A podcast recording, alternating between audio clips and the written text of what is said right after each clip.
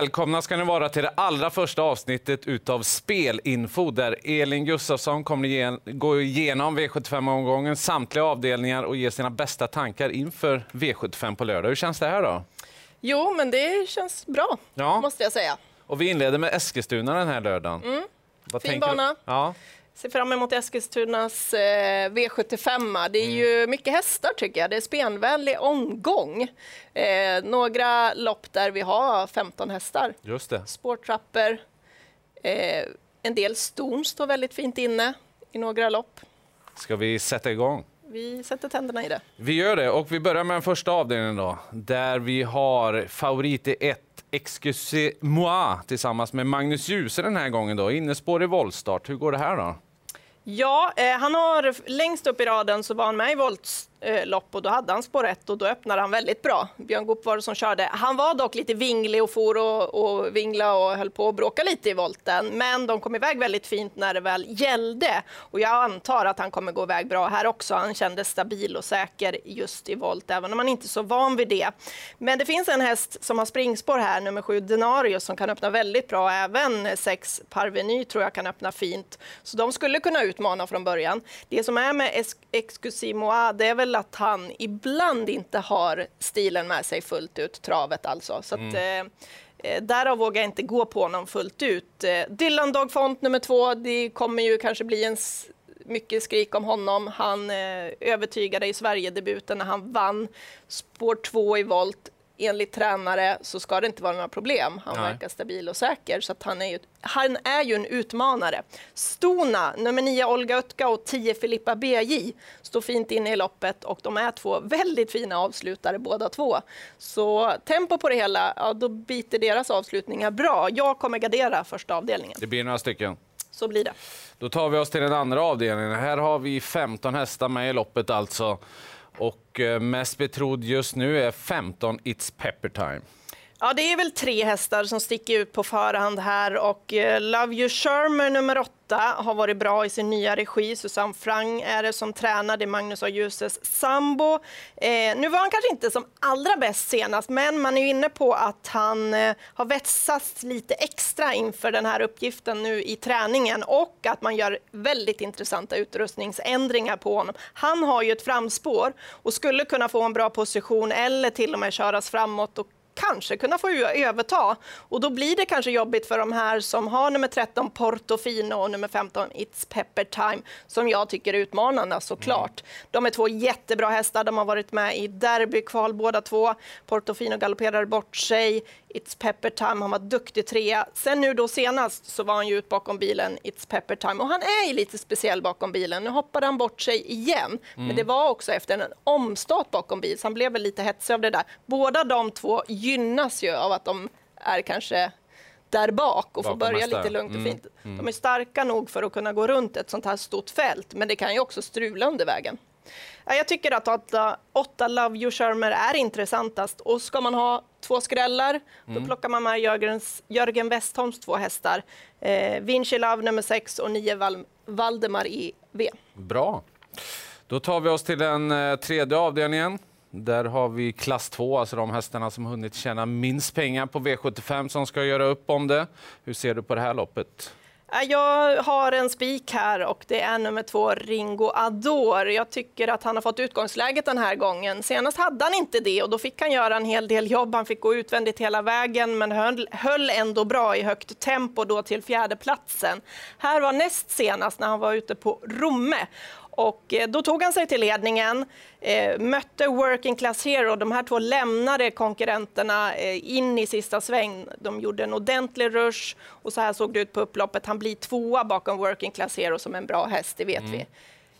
Som sagt var, nu har han utgångsläget och det, det, är bara att se till att han kommer förbi nummer ett, Natural Mine, och håller ut nummer sju, Perkins. Då ser det bra ut. Då ser det väldigt bra ut. Ja. Så tänkbar spik. Ja. Då tar vi oss till den fjärde avdelningen också. Lärlingar ska köra upp, äh, göra upp om i, äh, i det här loppet. Då. Äh, många hästar till start. väldigt jämnt spelat. Hur ser du på det här loppet? Ja, men jag är väldigt inne på nummer sju, Ferox Brix, som visade tidigt i sin karriär att han hade hög kapacitet men haft en hel del bekymmer och problem med sitt trav. Nu hade han haft en lång paus, har fått göra två lopp efter den här långa pausen och man har jobbat hårt med det. Och eh, de här två gångerna har han ju sett fantastiskt fin ut i travet. Eh, här ser vi senast när han hade spår två i volten. Det verkar inte vara något problem att kliva iväg i volt. Nu har han ju springspår den här gången då i lärlingsloppet, men jag hoppas att han kliver iväg så här fint. Då kom han inte förbi Hapkin Am. Backade ner i rygg på den, men försökte utmana den sen hela upploppet ner och jag tycker han går strålande och framförallt så travar han väldigt fint och då vet vi att han har hög kapacitet. Så med kallblods-SM-kusken Marcus Liljus så mm. tror jag att de kan eh, lösa den här uppgiften. Jag, eh, den som vågar kanske mm. spikar. Eh, vi får se hur det känns på lördag, ja. men han är otroligt intressant i det här loppet. Känslan är riktigt god just nu. Vidare till den femte avdelningen då. Hur ser du på det här sprinterloppet? Det brukar vara viktigt att vara startsnabb då Det är ju det och det är inte nummer fyra, Erik the Phantom, som är, eh, jag tror han kommer bli en väldigt stor favorit i omgången. Ehm, det är klart att han går ner i klass. Han eh, testade derbyuttagningarna senast. Han fick det loppet i sig. Han var tuff, han var bra, men han gick utvändigt om Joviality som vann hela finalen, mm. hela derbyt sen. Det är inte så lätt. Nej, och Erik de Fentom är ju en häst man har pratat mycket gott om. Men han är inte speciellt startsnabb. Sen kan han ju slå de här hästarna på sin styrka på den korta distansen. Men det är första gången han ska ut på kort distans.